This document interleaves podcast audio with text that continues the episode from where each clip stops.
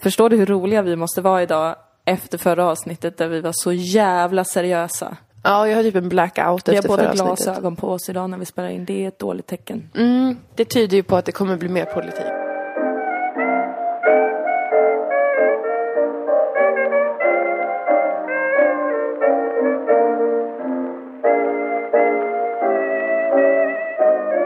Vilken historisk vecka det är. Är det? Låt oss prata om varför. För det första, jag fick i min hand två, den nya tvåkronan. Och Oh. den nya enkronan.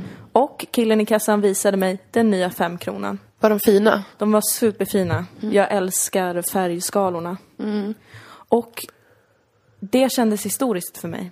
Det jag la till och med upp det på min Instagram. Jag såg det faktiskt. Jag likade. Alltså det kändes genuint historiskt. Ja. Jag blev rörd. Eh, och sen släppte jag det. Ja. Fler tecken på att det här är en historisk vecka. På, Läslov. eh, disclaimer, alla veckor är på ett sätt historiska. Men fortsätt. det är sant. Men måste du pissa på min parad? Förlåt gumman. Herregud. Antifem. Jag vill inte vara kritisk. Jag var tvungen att vara eh, sann mot vetenskapen. Ja, och det är också rimligt. Ja. Jag tackar dig för det. Vad fint att du blev sams så snabbt. Ja, det var fint. Fler tecken på att det här är en historisk vecka. Mm. Läslovet som sagt. Är det nu? Det är vecka 44 nu. Mm. Vanligtvis känt som höstlov. Nu är det läslov. Just det, det här regeringen har infört med Ja. att liksom, åh, nu kallar vi det för läslov så kommer alla börja läsa en gammal bok. Ja, är det har så- jag gjort. Ja, du går, du går väl inte i skolan? så det är väl, det är väl mer Eller- att du är en vuxen människa som läser en bok Eller? ibland. Jag tänkte, nu ska jag gå och skola mig själv. Så gick jag och min syster till biblioteket Mys. den här veckan. Mm. Sen kom vi på att det är läslov. Oj, Och så vet man att samhället nystar sig in i ens hjärna. i ens undermedvetna. Ja. Jag har Utan också läst den här det själv. veckan, men jag läser i och för sig varje vecka. Ja, det fast inte du. så mycket. För jag läser innan jag ska somna och jag hinner bara läsa ungefär en halv sida innan jag Varför somnar. läser du ens innan du ska somna? För att jag somnar så snabbt då. Men jag missar ju själva litteraturen. Men du somnar väl snabbt ändå? Mm, fast alltså, om jag inte läser då tar det tio minuter. Om jag läser så tar det på, alltså, på allvar kanske tre minuter. Wow, Så jag effektiviserar min insomningsprocess Oj. genom att läsa. vad starkt. Ja, det är ganska starkt. Ja, och sen vill jag bara också säga att påven har varit här. Mm, just det. Det var Så- mycket halabaloo. Ja, väldigt mycket. Inte så mycket halabaloo om vi ska vara ärliga. Ah, jag, Jag såg besviken. inget. Jag märkte såg, inget. Jag såg hans tal.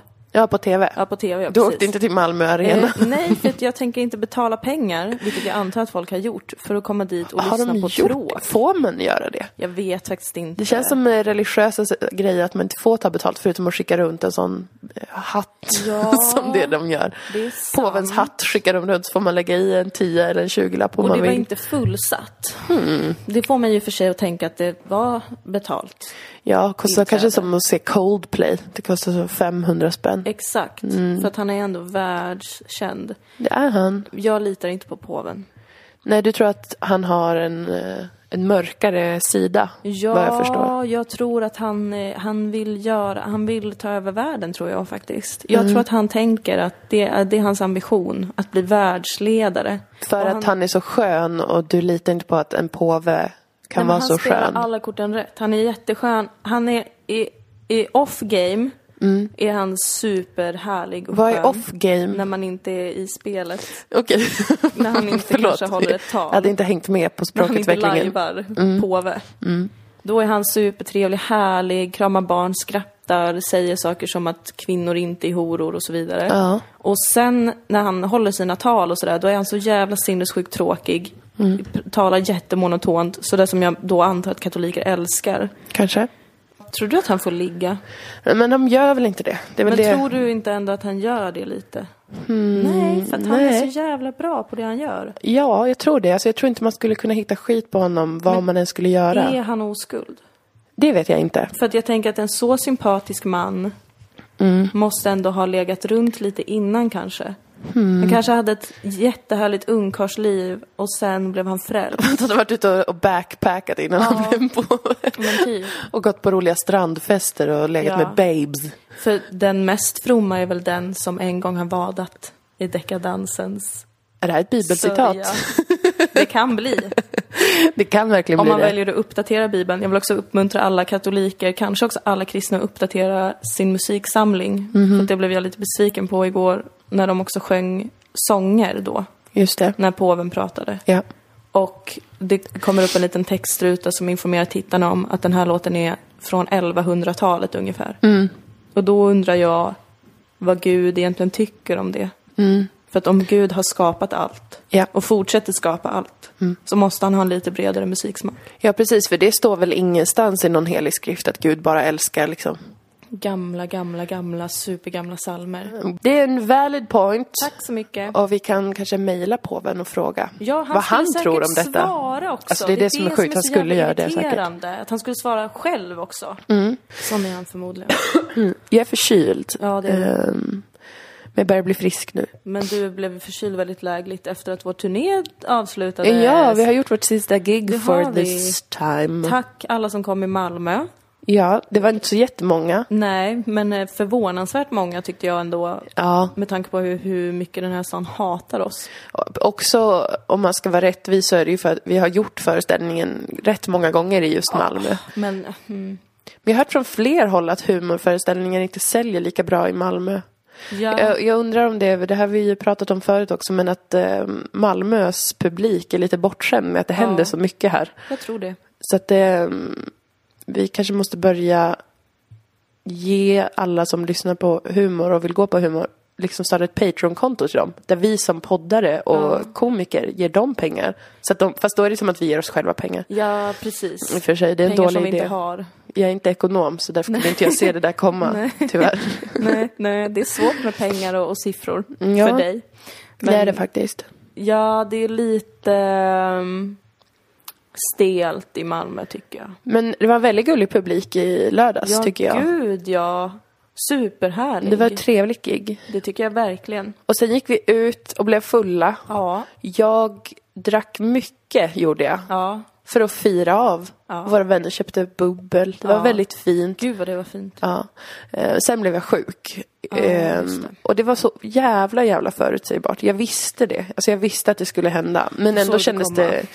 Ja, men det kändes ändå liksom lite tråkigt förutsägbart. Jaha. Att det hade varit en större överraskning om min kropp bara, nej men det här var väl ingen grej. Du kan väl jobba i fyra veckor i sträck och sen supa till det och sen vakna som en no- nyponros. Ja. Men det sa inte min kropp utan den sa, nu är du sjuk. Du har lite högre förväntningar på din kropp kanske? Ja, ibland har jag det. Ja. Något slags sånt messiaskomplex. Att jag tror att jag ska kunna hela mig själv. Ja, Och att inget ska påverka mitt kött. exakt. Så länge din ande är intakt. Precis. Mm. Men då, då låg jag hemma i två dygn i sträck. Ja. Nästan tre. Igår tog jag mig ut och spelade lite spel men höll på att somna klockan halv tio. Att jag var så jävla... Det är inte radikalt tidigt för att vara du. Nej, för mig var det ju läggdags. Ja. Så att då, då somnade ju jag. Behövde inte ens läsa en bok. Och sen var det klart.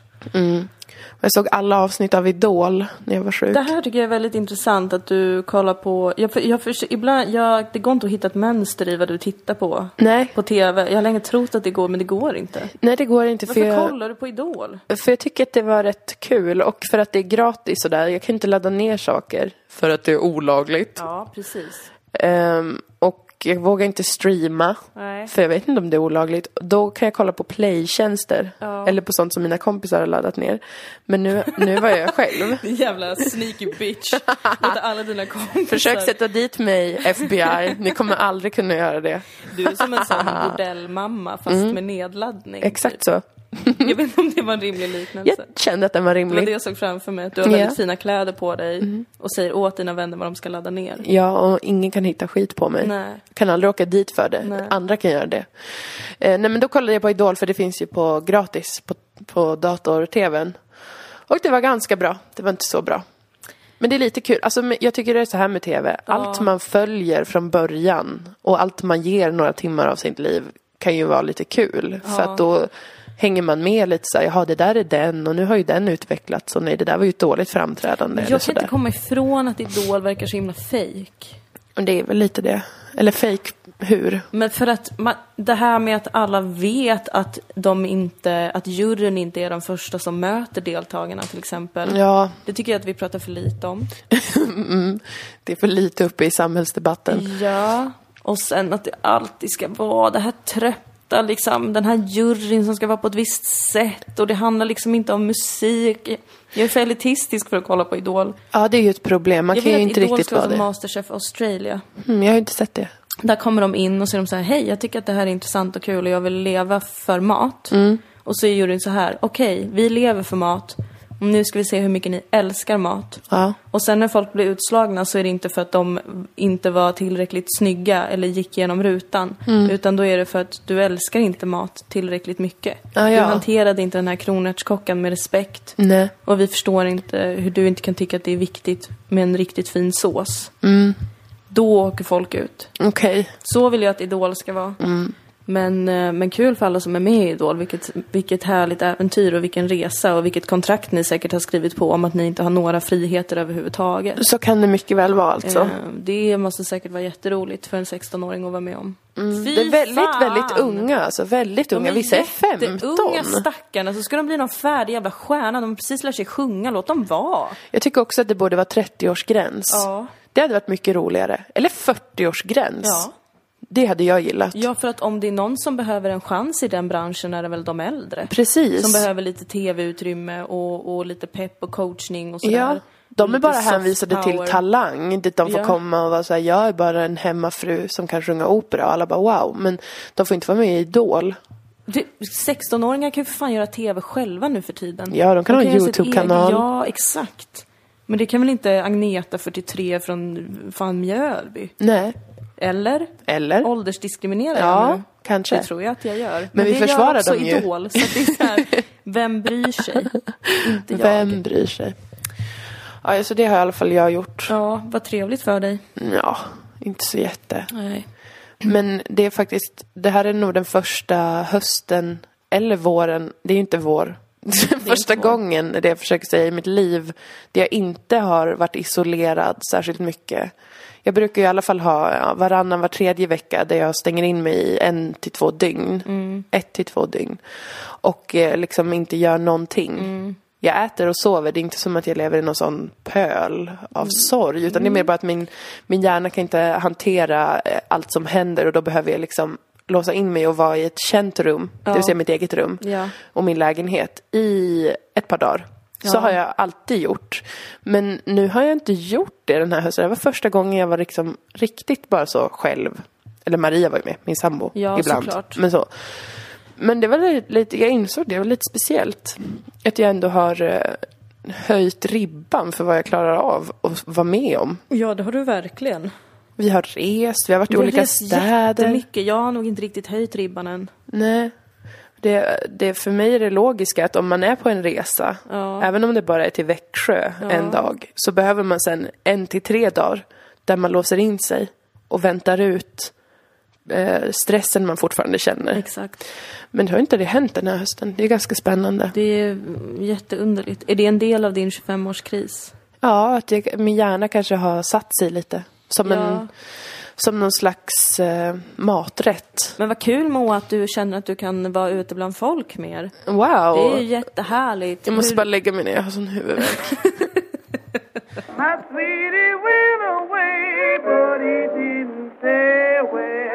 He didn't say. He didn't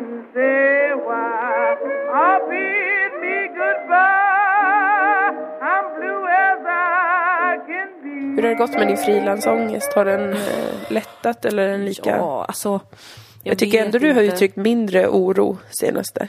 Ja, men det- det har ju, det, det tror jag är för att den, den här väldigt konstiga upplevelsen eh, har jag haft. Mm. Att jag har pratat med mina föräldrar Mm. som inte har varit oroliga. Vilket annars har varit fallet. Ja. När jag har sagt kanske, jag vill jobba med kultur. och de bara, nej, då kommer du gå på SOS i resten av livet. Gå och läs juridik. Och sen nu så bara, ja, jag är lite orolig över att mitt liv kommer gå i kras. Och de bara, men det går ju jättebra. Var inte orolig. Skönt. Kör på bara. Ja. Och då tänkte jag att om inte de är oroliga kan ju inte jag vara orolig. Nej, det är väldigt rationellt av dig. Eller så är det bara en liten paus i oron här nu. Och kanske om några veckor så kommer jag få panik när jag på allvar måste börja leva på mina sparpengar. Ja. Då kanske jag kommer få lite ångest igen. Ja, men jag tycker inte man ska ha några andra förväntningar än att man har det första i alla fall halvåret, eller Ja. året till och med, som det var för mig. Ja. Ehm, Så ska man vara glad åt när man har en paus i oron och bara kan pyssla på lite här och var och Ja, det är sant. köra på. Det är sant. Nej men det är trevligt och sen försöker jag ju påminna mig om vad alternativet skulle vara, det vill säga gå till ett jobb varje dag. Och nu Mm. när jag har smakat på den andra sidan Ja, så vill jag ju aldrig gå tillbaka. nej det är ju så. Fy fan! Ja. Den andra sidan är så kul, säger min syster. Mm, absolut. Absolut. Det tror jag säkert. Det är trevligt med magsår. Och jävla... Ja! ja, den här sidan är alldeles underbar ja. Den är supertrevlig. Den är superduper trevlig. Jag tycker om det väldigt mycket. Jag med faktiskt. Men jag känner ändå att jag skulle behöva vara ledig snart längre. En längre tid. Ja. Tre veckor eller något sånt där.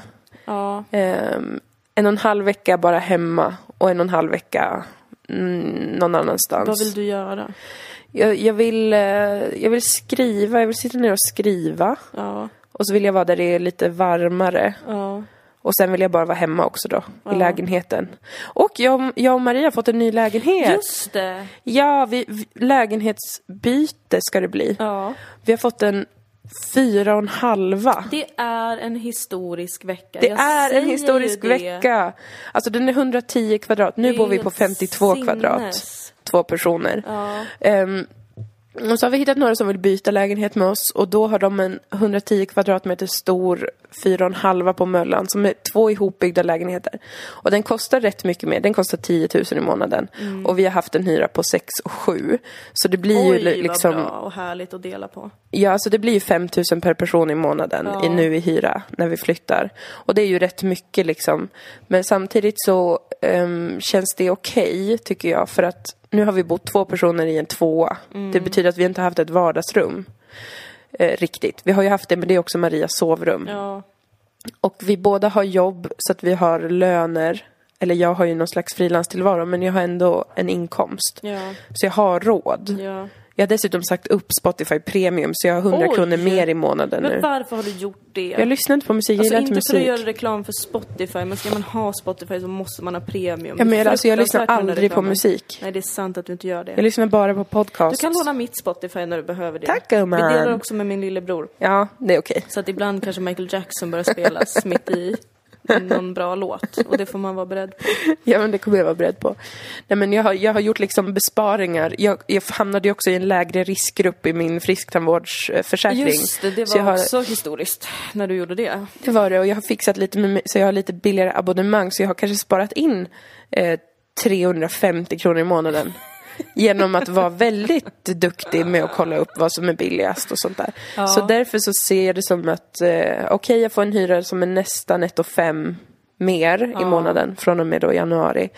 Men jag tror faktiskt att det kommer gå bra rent ekonomiskt ändå Och sen att kanske klara den det. hyran blir lägre om någon mer flyttar in. Precis som någon Blink, annan tjej som jag och Maria känner kanske får Blink, feeling i blink. framtiden.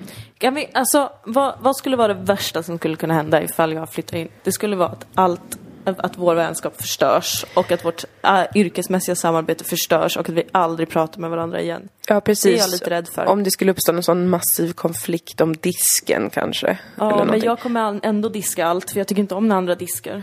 Ja, och du och jag har ju ändå, speciellt den här hösten, bott tillsammans ganska mycket. På resa främst då i och för sig. Vi har inte haft sånt vardag, men vi har umgåtts så mycket vardagsmässigt. Jag tror att vi är kompatibla i de där sakerna. Som jag och Ja. Maria också är kompatibla i. För att om, om man sköter sitt och inte och ser lite grann vad man själv ska ta för ansvar och Mm. vad andra tar för ansvar. Då blir det inte där så himla stora svåra grejer. Jag och Maria har ju bott i, ihop i drygt tre år. Ja. Och jag har aldrig under den perioden känt mig arg över någonting sånt. Vad mer, skönt. Typ. Det är ju också skönt för mig att höra. Ja, men jag är, jag är inte heller en person som blir arg på folk som jag tycker om. Om de inte har varit taskiga, men det har faktiskt aldrig hänt hittills. Nej. Alltså så här medvetet taskiga, men det har inte hänt. Jag har nästan aldrig bråk med någon som jag tycker om. Det, det, det jag har istället är att jag kanske har ett jättestort känslomässigt översvall och är lite ohanterbar och konstigt ledsen eller tilltäppt eller något sånt här. Inte i näsan då, utan känslomässigt. Eh, Så att man måste ta kanske fyra och en halv timme till att prata igenom och älta någonting. Ja.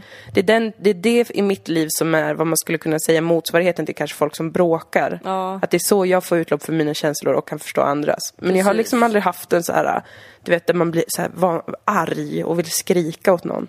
Jag är relativt bra på att bråka. Ja, Jag kan tycka att bråk är trevligt. ja, det här har vi pratat om. Där är vi lite olika ju faktiskt. Men, Ja, ehm, jag tycker bråk kan vara så utvecklande för en relation. Ja, men jag tar mer att jag ersatt, tror jag, bråk med den typen av, som sagt, att man bara så här, jag känner det här, förstår du det här? Ja. Eh, Jag reagerade så där på grund av det här. Det är ju en form av Ja, det är vad jag konflikt. kallar men- bråk. Ja, men precis. Det är det jag tänker att det kanske bara att vi kallar dem olika saker. Inte att jag tycker om att slåss med dem jag Nej. tycker om för att vi ska utveckla vår relation. Nej. för det är en annars en bra combat. idé. A trial by combat regarding the dishes tomorrow at noon. Thank you. Varsitt svärd In the som common room. möts man i vardagsrummet. Men jag har ju aldrig, jag har ju aldrig eh, efter att jag flyttade hemifrån för sex år sedan eh, levt med andra människor. Nej. Det, det, och jag har alltid innan tänkt, och fy fan för det. Jag vill aldrig bo i kollektiv. När Nej. jag flyttade till Malmö så tänkte jag att jag kanske skulle behöva bo i kollektiv. Mm. Och någon gång har jag funderat på det. Men jag har aldrig velat det. Nej. Mm. Förrän nu. Vilket också gör att jag inte litar på mig själv. Men det som jag och Maria har, och om du skulle bo med oss, det är ju inte ett, riktigt ett kollektiv. Det är ju inte liksom bara lite olika sköna människor som känner varandra lite sisådär och som bor ihop. Utan det är ju ändå en solid grund att stå på. Ja, det är det ju. Men sen kan det ju ändå uppstå problem. Det är svårt att bo tillsammans med folk ibland. Det är mycket som ska klaffa. Men eh, jag vet, alltså jag kan inte se att det skulle vara några problem. Det är mer om man känner själv att man behöver mer space, rent att man behöver vara i fred ännu mer. Ja. Jag trodde ju innan Maria flyttade in till mig för då över tre år sedan. Då hade jag, innan det hade jag mycket mer en upplevelse av att jag behöver vara helt själv hemma. Eh, och, och det här har vi återigen också pratat om förut, att det sen förändrades. Och nu räcker det för mig att ha ett rum som jag kan gå in på och vara, ö, vara själv i om jag behöver det. Men det händer så jävla sällan faktiskt. Ja men det är lite där jag undrar om jag faktiskt har hamnat. För att jag umgås så mycket med mina vänner nu för tiden jämfört med vad jag gjorde förut. Och för att jag alltid blir lite, lite ledsen när jag lagar mat. För att jag lagar alltid så mycket mat. Som räcker i en månad. Och så tänker jag alltid, tänk om jag hade någon eller några att dela det här med. Ja. Inte på ett läskigt singelbittert sätt tänker Nej, jag så, men- utan mer på ett familjärt sätt. Ja. Och lite så eh, ur ett resursslöseri-perspektiv. Just det. Tänker på det. Politiskt. Precis, eh, allt är politik. Eh, Vi ska inte prata om politik idag men, Nej, men kom men ihåg det- allt är politik. Okej? Men jag tycker, för att jag eh, har ju en, jag har ju också en, en pojkvän som bor kanske tio minuter bort från där jag bor. Du bor också ungefär tio minuter bort från mig. När jag flyttar i januari kommer jag bo fem minuter bort från dig, två minuter bort från min kille. Man, man bor på olika ställen så, men vi umgås ju ändå väldigt, väldigt mycket. Jag känner som att jag har ett, en familj verkligen i Malmö Ja. där man umgås på ett sånt vardagligt sätt. Um, både jobbar ihop ibland, sitter tillsammans och gör grejer men också typ lagar mat och kollar på film och spela spel. Och det är ju min dröm. Att ha det. Och då förenklas ju det av att man bor antingen supernära eller tillsammans.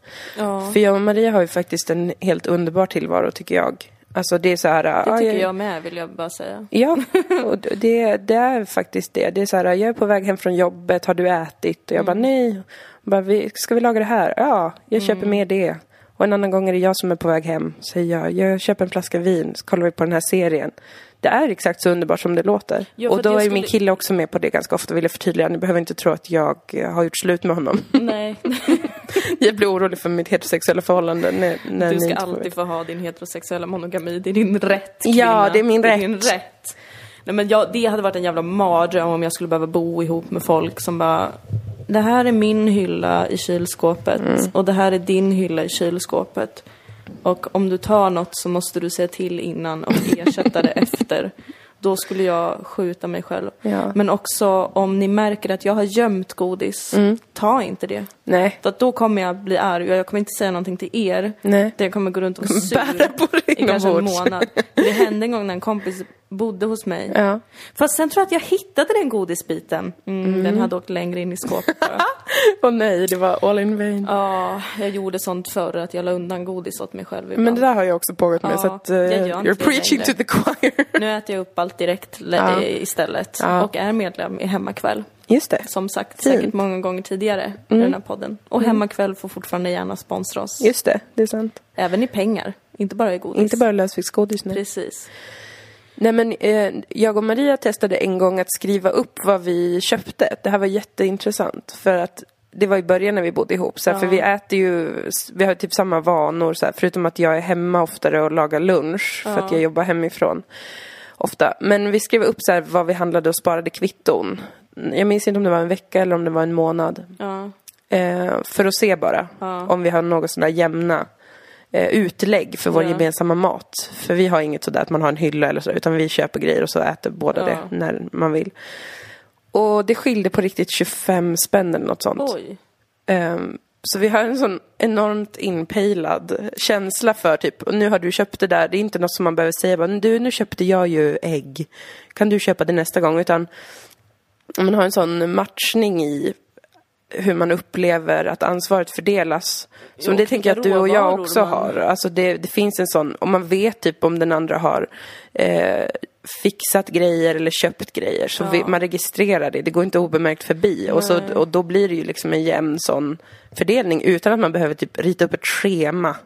Utan man, man ser det. Och det tror jag är det viktigaste när man bor ihop, att, att alla inblandade ser ansvarsfördelningen. För då behöver man inte sätta upp regler och lagar och lappar på grejer utan man kan vara trygg i att okej nu sullar jag den här veckan och är bara ledsen och dålig och orkar inte handla och typ bla bla bla och då ser jag att den andra personen tar en mycket större del av det nu och sen skiftar det. Alltså jag kanske eh, ska flytta in mer bara som ett liksom, experiment för att se om livet verkligen kan vara så bra.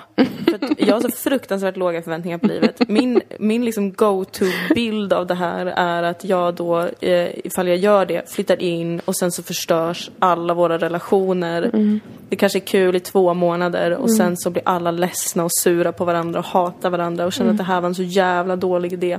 Ja, att du har lite kaostänkande kring sånt Ja, där. ganska mycket. Kring hu- hu- när människor ska vara med varandra. Ja. Gud vad deppigt det är. Alltså jag är inget jävla emo. Snälla någon. Jag bara har väldigt låga förväntningar på verkligheten och mina vänner. ja, det, men det är bara det som händer. Men jag har det. Ja, men man är väl Det är ett rädd problem också. jag har. Ja, men du är lite rädd och det är vi alla Ja. för saker. Att saker ska gå sönder och falla utan att man förstår hur Men det också började. när folk inte gör det så mycket. Mm. Alltså när det inte är, eh, det vanligaste är ju att man eh, lever ensam eller med en partner kanske. I Ja. Malmö är det ju vanligare att man lever många tillsammans. Men Ja. jag är ju inte jättevan vid det. Nej. Och då blir det lite så här, åh oh, gud, det, det är de där ungdomarna som har kul, men de är också helt spårade. Nu ska jag sitta här med min juristexamen och min bostadsrätt och känna mig trygg och säker. Fast jag är den mest otrygga situationen. För att jag står i beroendeställning till en bank. Just det.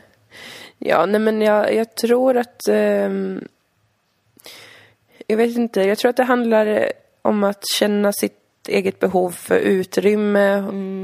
Se, vad, se att allting är något slags ansvar och sen alltid säga till. Om det är något som börjar bög one's mind.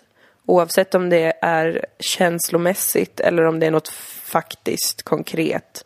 Som en gång sa Maria till mig att hon tyckte det var jobbigt att jag alltid satte på toalettrullen åt fel håll. och vet du vad, sen dess tänker jag på det varje gång. Och det har aldrig upprepat sig. Sen dess kan jag inte gå på toaletten. Nej, sen dess har jag slutat använda toalettpapper i rädsla för att skada. Man går in i duschen istället och så löser man det för varandras skull. Och så är det bara. Det är så det är att leva tillsammans med människor. Ja, så är det. Nej men så då jag fixade då tänkte jag på det.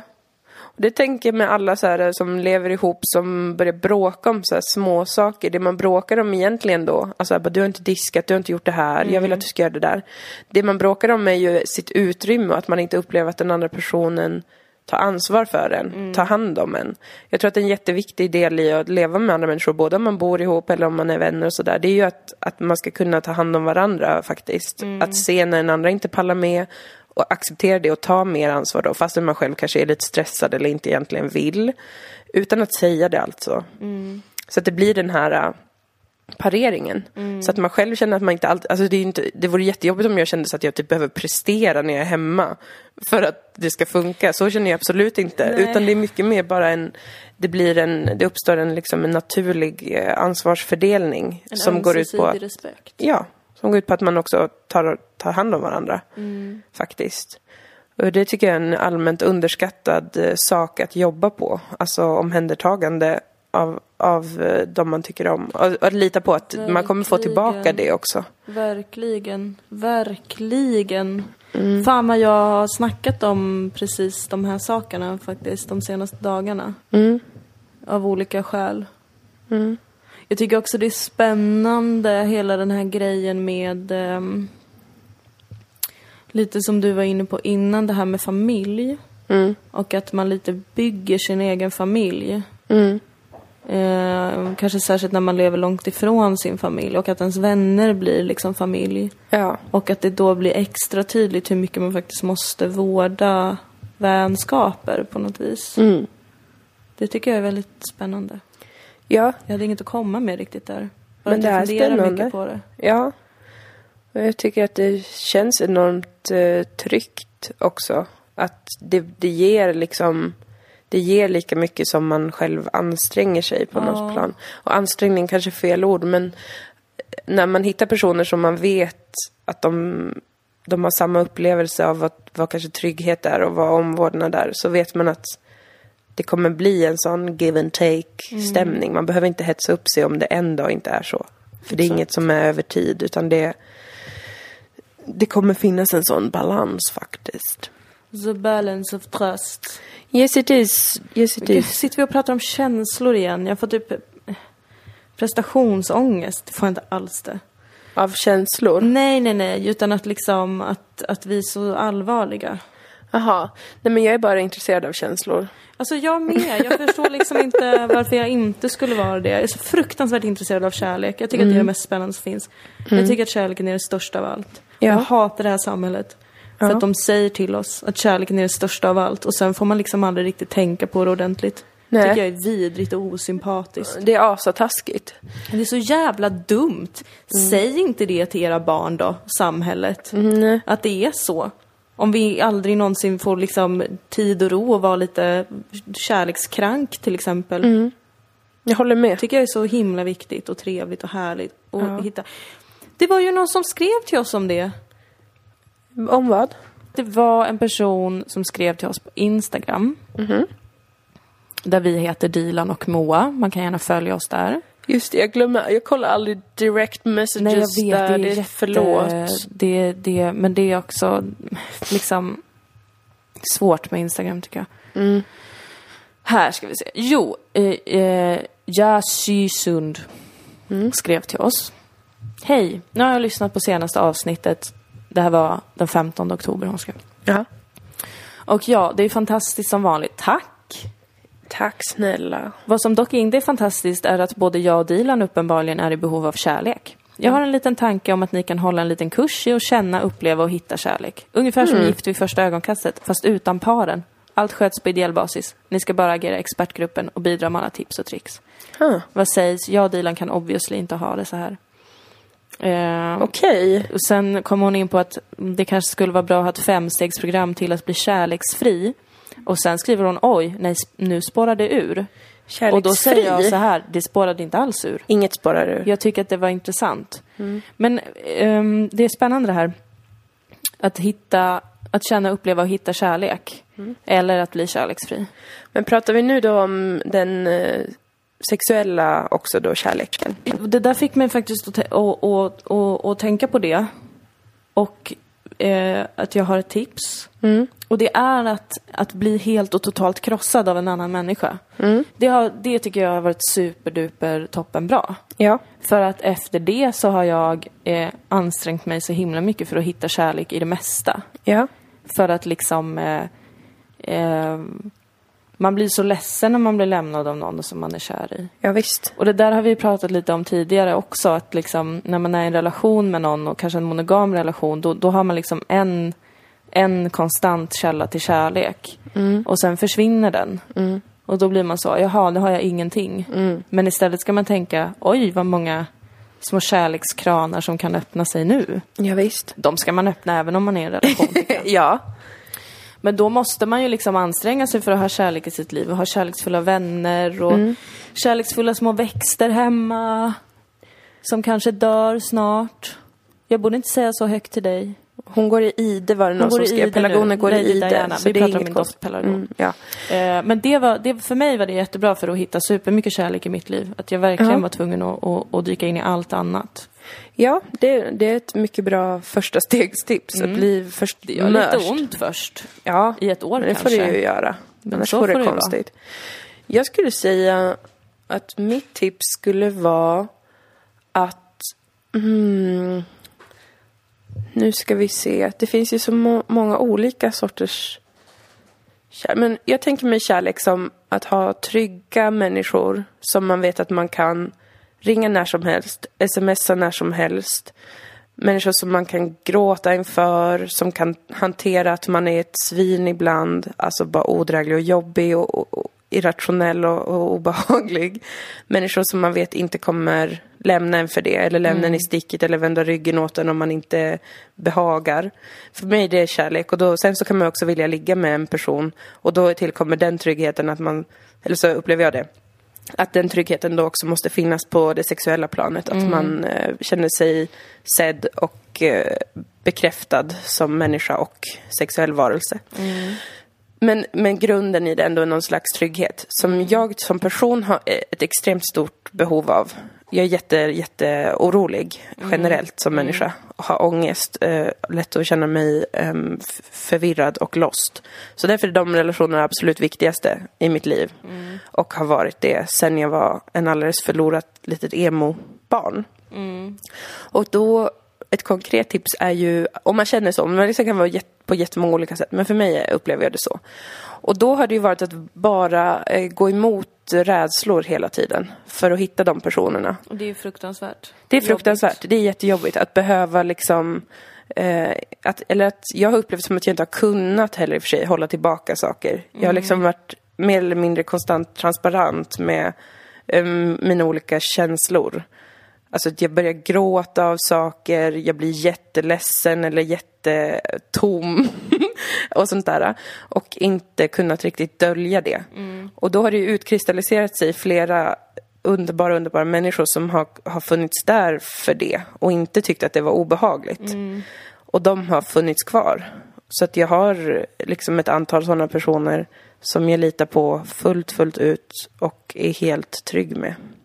Men det har ju då kommit från att jag inte haft något annat val än att vara helt blottlagd känslomässigt. Och det har ju haft en, en kostnad också, såklart.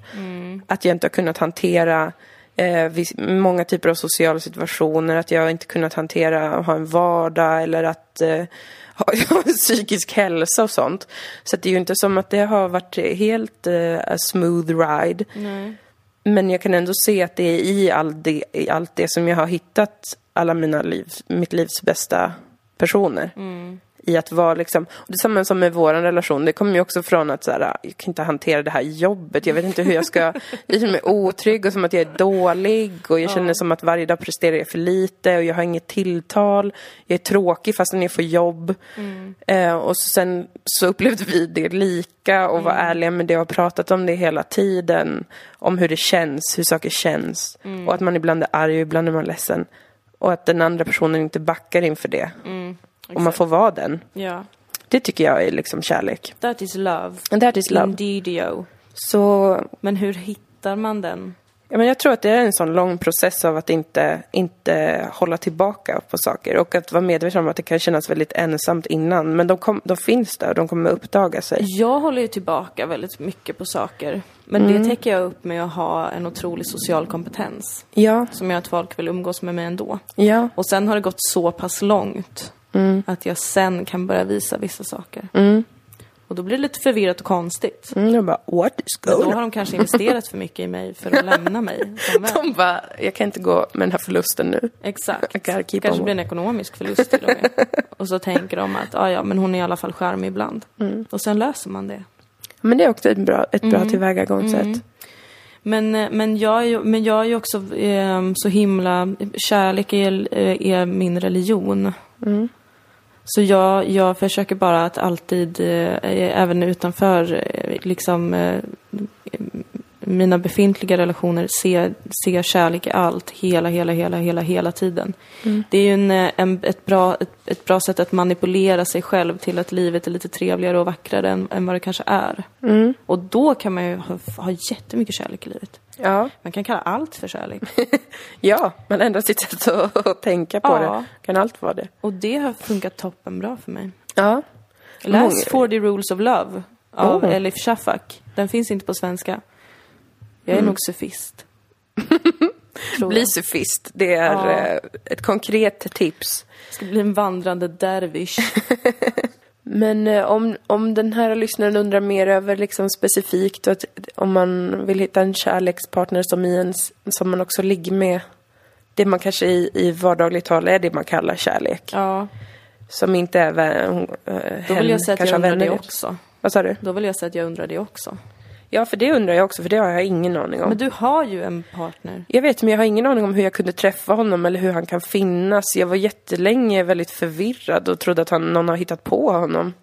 Och liksom eh, gett honom betalt för att vara med mig. Första halvan av i första halvåret var bara en enda lång Per Gessle-situation. Ja, alltså jag var så jävla chockad det är det fortfarande när jag tänker på det. För jag hade ingen aning om att det kunde finnas en heterosexuell kille som han. Ja. För jag tycker att han är helt unik i sitt slag och liksom en sån djupt underbar person. Så att det har jag fan ingen aning om. Jag har aldrig träffat en man som honom någonsin egentligen. Ja. Så att eh, han är en unik diamant som jag inte vet hur jag hittade. I don't know what gave me the honor of meeting him. Jag minns ert första möte. The Sims-festen. Jag var sist kvar, förutom er två. Alla hade gått. Jag var väldigt full. Jag hade inte förstått att alla hade gått. Nej. Ser att ni två sitter själva och pratar med varandra. Ja, Jag tror jag ramlade. snyggt. Jag minns att jag låg ner och tittade på er. That's beautiful. Och då kände jag att nu är det dags för mig att gå härifrån. Och sen gick jag väl hem och grät eller något. Säkert. Jag var så olycklig det då. är det kärlek. Men ja, alltså det där är, annars kan man ju göra som jag, det här har jag tipsat om tidigare, att man kan vara olyckligt kär i någon. Mm. Och sen eh, bara, eh, gärna någon som är på en annan geografisk plats. Jag är olyckligt kär i någon som lever i utlandet. Ja. Och det funkar jättebra för mig. Toppen. För att då kan jag tänka, åh vad jag är kär i honom. Ja. Vad vi skulle kunna ha det bra. Men det går ju inte. Nej. Han är ju inte ens i landet. Nej, just det. Inget att göra åt saken. Och så tar man bara all den kärleken man känner och pytsar ut på alla andra runt omkring sig. Kanske skaffar sig en älskare, typ. Ja. som man inte vill träffa. och eh, sen umgås man med sina vänner. och känner jättemycket kärlek. ja, men det finns jättemånga olika sätt ju. Ja, man kan leva hur som olika sätt. helst. Och sen så tror jag att man, eh, det jag börjar förstå på äldre dagar alltså, vilket virrvarr det är. Det är så många olika saker som spelar Mm. in. Det är ens olika um, känslomässiga behov det finns också typ eh, att man har förväntningar på sig, Mm. på hur relationer ska se ut och vad man ska göra och vad som ger eh, mervärde och status och sånt där. Ja. Så att, att försöka hacka ner det tror, tycker jag har, har hjälpt. Det enda man kan, om jag ska vara helt allvarlig. Mm. Det enda man kan göra är att ha ett fucking tålamod. Mm. För att livet går fruktansvärt långsamt ofta. ha ett jävla tålamod. Acceptera att slumpen styr över oss. Sen kanske inte är slumpen, allting kanske händer av en mening, men det upplevs ju ofta som slumpen. Ja, vi vet ju inget annat direkt. Och sen vårdar du varje jävla ögonblick. Och du vårdar varje människa du möter. Och du tänker att varje människa du möter skulle kunna vara eh, skulle kunna ta en stor plats i mitt liv. Vem vet? Eller så ses vi aldrig igen. Det kan man aldrig bestämma på förhand. Men bara var, var, var kärleksfull i dina ord och dina handlingar. Och sen ser du, och var ärlig. Det här är bara klyschor. Bring men de 'em. stämmer. Och sen ser du vilka som blir kvar. Men ha tålamod, faktiskt. Ja, Folk har alldeles för lite tålamod. Ja, precis. Och man håller på med det där äh, projektet med att försöka räkna ut på förhand vad det är man ska ha. Och så har man inte så mycket tid över till att fundera vad man faktiskt blir, äh, mår lite bättre av eller vad som Ja, men känslomässigt är trevligt. veta innan vad man ska ha och vad man vill ha? Nej men precis, det, väl går ju som inte riktigt faktiskt. Här kommer man in i den här världen, man föds, jaha vad trevligt, vilka är ni? Mm. Allt är främmande, man vet ingenting och så växer man upp och så ska man lära sig saker hela tiden och man har ingen jävla aning om någonting och vi är bara människor, vi kan inte föreställa oss framtiden någonsin. Nej, men det verkar som så jävla lätt för folk att säga så här, jag vill ha en partner som är jobbar med detta typ och har det här utseendet typ. Men det verkar ju oerhört mycket svårare att säga så här, jag vill ha en partner som ehm, ger mig den här känslan eller ger mig den här typen av trygghet eller vad den kan vara. Och därför tror jag att det som är svårare är oftast där man har något att hämta. Det kanske är jättelätt för de flesta att säga så här, min drömpartner har det här utseendet typ. Men det är mycket svårare att säga, min, min drömperson att ha i mitt liv skulle ge mig detta. Och därför så tror jag att då kanske man är ute efter lite grejer som inte som sen visar sig inte ha en, resonerar inte med en liksom. Ja men och då låser man ju också fast sig lite vid att det finns en person som ska förändra ens liv. Mm. Så det var jag jättemycket förut, för då hade jag en liten annan bild av kärlek. Alltså kärleken har alltid varit typ det största av allt för mig. Mm. Men jag tänkte mycket förut att det finns en stor kärlek som kommer komma att förändra mitt liv och göra mig lycklig och lugn Mm. en gång för alla. Eh, det, det tror jag också är farligt. För när man börjar kretsa väldigt mycket i tankar kring vad man vill ha för partner så blir det lite så. Man låser fast sig vid den enda personen. Mm. Ja, för att man det handlar om något annat typ. Ja, och man måste förstå att livet kan vara fullt av kärlek och man kommer ha massa kärlekar i livet och vissa kanske man bara älskar i en månad och vissa kanske man älskar i 30 år och vissa kanske bara blir ens vän och vissa kanske man ligger med och någon kanske man gifter sig med för att den ska få uppehållstillstånd. Vad som helst kan hända. Och kärleken finns överallt, ungdomar. överallt. Den gör verkligen det. Det är Ja. otroligt vad trevligt livet kan bli om man bara manipulerar sig själv. Och, och det får man göra. Man ser en variation kan man ju också säga. Ja, behöver inte vara en manipulation man ser det man vill version. se, så att säga. Och det har man all rätt att göra i den här världen där vi inte vet vart vi kommer ifrån eller vart vi är på väg. Nej. Så länge ingen säger till oss vad det är frågan om så kan vi väl få bestämma det själva. Ja. Då kan allt få handla om kärlek. ja. Och så kan man ha så himla många olika saker som är kärlek för en också. Så det tror jag är något... Doftpelargoner. En doftpelargon eller en trevlig hund eller en... Eller en spindel. Ja, en spindel. För att jag blev sårad när Inte min en spindel. köksspindel försvann. Mm, jag respekterar Och jag fortfarande det här vägrar med tro att det har spindlarna. att göra med att det blev vinter. Utan jag tror verkligen att det var för att jag instagrammade den utan att kommunicera ut det Nej. först. inte därför. Men jag känner mig liksom nu, när vi får ge råd om hur man hittar kärlek så känner jag som att mm, det är ju också en pågående grej i allas liv. Ja. Lite grann. Man är ju aldrig i... Det är inte så att man börjar och sen så slutar det. Utan det är ju liksom processer, känslomässiga, relationella processer hela tiden. Det är där tålamodet kommer in också, för jag tror Ja. att det ofta är bristande tålamod som gör att man tror att man behöver stå ut med massa liksom skit och som, grejer som mest eh, handlar om att posera. Mm. Det tror jag är för att man vill ha det, man vill ha allting nu, nu, nu och man vill att det ska hända nu och man vill att det ska hända samtidigt som det händer för alla andra. Mm. Ja, fast ha inte så höga tankar om, om tiden och livet. Du har ingen aning. Du har ingen aning. Fokusera bara på att vara, vara glad och, och, och, och respektfull och kärleksfull. Ska du se att det kommer gå bra. Ja, kanske. Det kan göra det i alla Jag tycker fall. faktiskt att det är så enkelt. Ja. För att jag upplever det själv. Sen är Ja. det klart att man blir ledsen och sårad och lämnad och allt det där. Men jag, alltså, jag har inte sett att jag faktiskt aldrig har blivit det.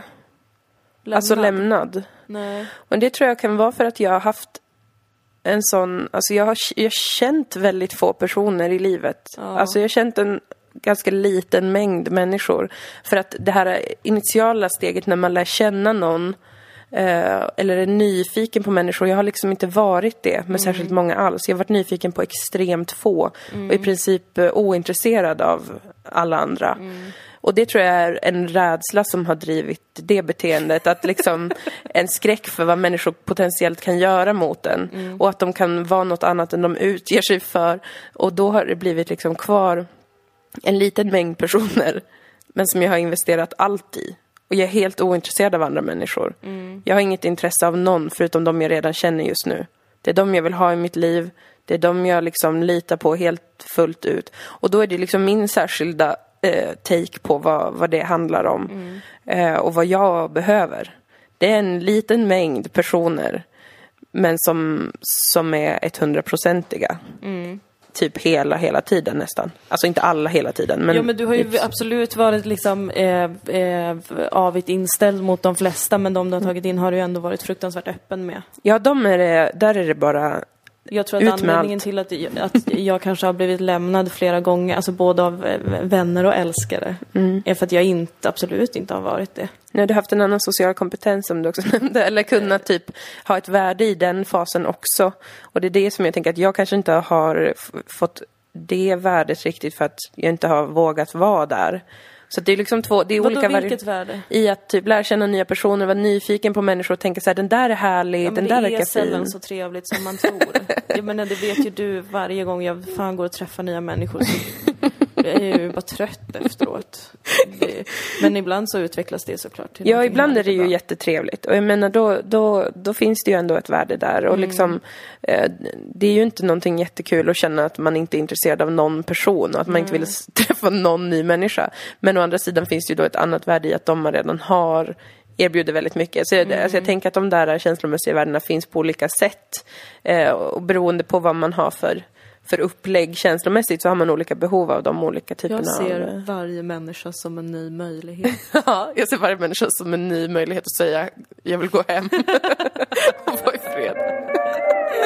I'm like a little lost sheep and I can't sleep, but I keep trying Jag vill passa på att säga att jag tycker inte att eh, den här säsongen av Tro på kärlek var särskilt bra. Nej, så här i retrospekt var den faktiskt verkligen inte det. Alltså, det var, det var som att man bara fick... Jag menar, Jessica var underbar, det tycker vi alla. Ja. Det fanns ett visst underhållningsvärde i att frikyrkopastorn var eh, Logo. loco, insane in the membrane. Ehm, men sen var det bara som att liksom, vad fan, jag vill ju, jag vill ju få jag ville få en insyn i de här relationerna. Det var därför de visas på TV. Ja. Det enda man fick var när de sitter själva och berättar om dejten. Ja, jag vet. Och man fick aldrig liksom... Typ en gång fick man det när Lydia i början av säsongen pratar med frikyrkopastorn om det här som gjorde mig så upprörd med Jungfru Maria. Ja. Då fick man något slags samtal där man får se vad har de här för person, vad har de för intressen, vad, vad, vad vill de prata om? Men sen var det ju inget sånt. Det var ju bara typ när Jessica frågar män om de ser henne. Man bara, de förstår inte vad du menar, snälla gå därifrån. Ja, men alltså jag, och jag, jag tycker också att det här var en så jävla tydlig eh, förskjutning alltså mot det väldigt kommersiella eh, dating-tv-formatet. Det är ju redan ett sånt format, men de, i tidigare säsongen hade, fanns det ändå någonting mer som jag tyckte var intressant som var att de pratade mer om eh, de lite svårare sakerna med en Ja. relation och varför det håller eller inte håller och vad man letar efter och varför det är viktigt för en och allt sånt här. Ja. Eh, som de ändå hade med, men den här säsongen sket de typ i det och så gjorde de en freakshow av frikyrkopastorn och dejterna var superhårdklippta, man fick inte fatta någonting. Nej, man fattade ingenting. Och vad hände med diakonens tjejer? Ingen alltså aning. de bara försvann en efter en. Jag hängde knappt med. Nej, alltså det var värdelöst faktiskt. Vart tog de Eh, vägen, flickorna? Ja, jag har ingen aning. De var typ 40 stycken från början och sen var Ja. det en kvar och så bara, nej men vi Man känner bara, inget för varandra. Jaha. Och sen nämnde de någon gång att det där pågick i två veckor. Ja.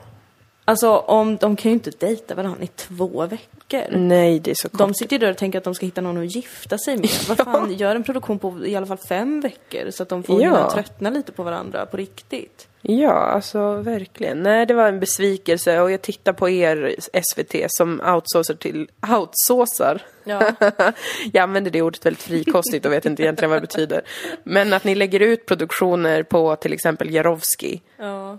Ha mer insyn i processen då. Sluta tro att vi som public service-publik inte upptäcker när ni gör såna här ful moves. Men Vi ser er. Nyfiken på varför eh, det är så många produktioner som läggs ut på bolag nu.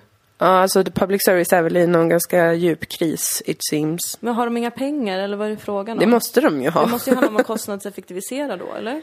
Ja, jag vet inte. Eller om det är att det är så himla eh, toppstyrt och ett så stort, stort företag, eller stora företag, att det liksom inte riktigt finns någon eh, genomgående kommunikation och att det är liksom väldigt fragmenterat och därför blir eh, fler produktioner som går helt i stöpet för att det inte finns något helhetstänk krut. heller.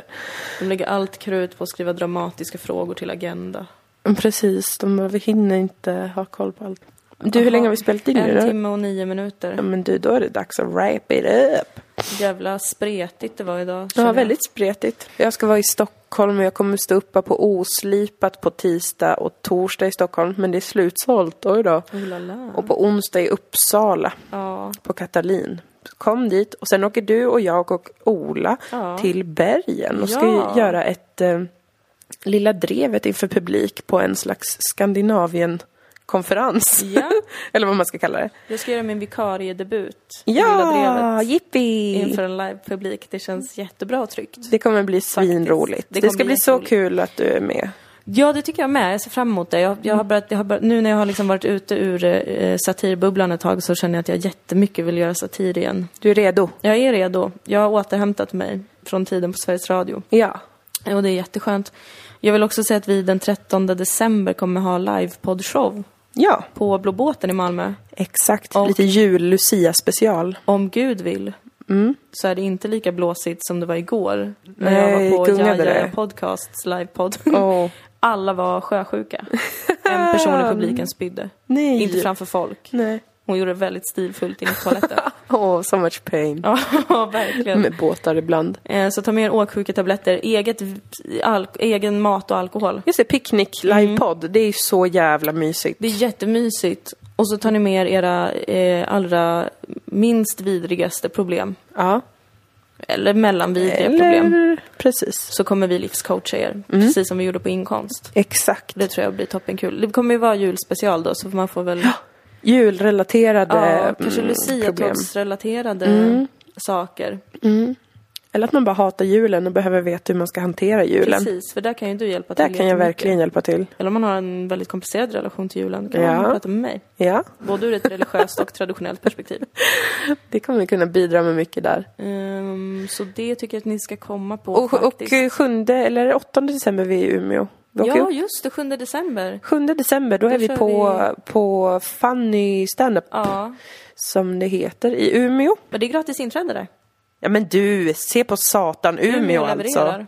Det Halli hallå ja. ja, men då behöver man ju inte köpa biljetter. Nej, det behöver man faktiskt inte. Då är det bara att jag komma dit 7 december. Umeå, min gamla goda mysiga hemstad. Ja, då ska jag träffa dina föräldrar. Ja, det ska du. Du ska få hälsa på och jag ska visa dig allt jag kan om Umeå. Ja. Det kommer vara så fult och mörkt. Och kallt kommer Kallt det vara. som Det kommer vara jättemycket snö.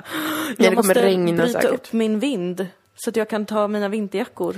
Ja, det kommer du behöva göra innan 7 december. Så att det, du har ju dryga månaden på dig, men vi hoppas att du ska Fan hinna. att jag är arg på min älskare. Kan han bryta upp det Han har en lås, en sån, en sån, såna saker som man kan använda för att bryta upp eh, hänglås. Men då har vi en tydlig att göra-lista. Du ehm, pratar med din älskare fastän du är arg på honom. Han Ja. får bryta upp ditt lås. Du tar fram vinterjackan. 7 december kör vi i Umeå. Okej, Mm. det blir jättebra. Toppen. Toppen då. Wonderful darling. Då säger vi tack och hej för idag. Ja, Tack för att ni finns och har skrivit så fina saker till oss Ja, alltså- på eh, det här där man kan betygsätta poddar. ja. Det läste jag häromdagen. Nej Jag men, blev superglad verkligen. ni är såna jävla gulliga människor ni som lyssnar faktiskt. Där är ni. Det är otroligt fint. Och så donera gärna pengar till oss på patreon.com snedstreck Dilan och Moa. Moa Mm. ska försöka lista ut vilket lösenord hon har efter uh, datascammen. IT-bedrägeriet, Så vi kan ja. börja lägga upp avsnitt där igen. I will make it work. Inshallah. Då Puss, så puss. kamrater, ta hand om er och känn mycket kärlek. Hej då. Även till blommor. Inte till blommor. Jo. Och spindlar. Nej, inte spindlar.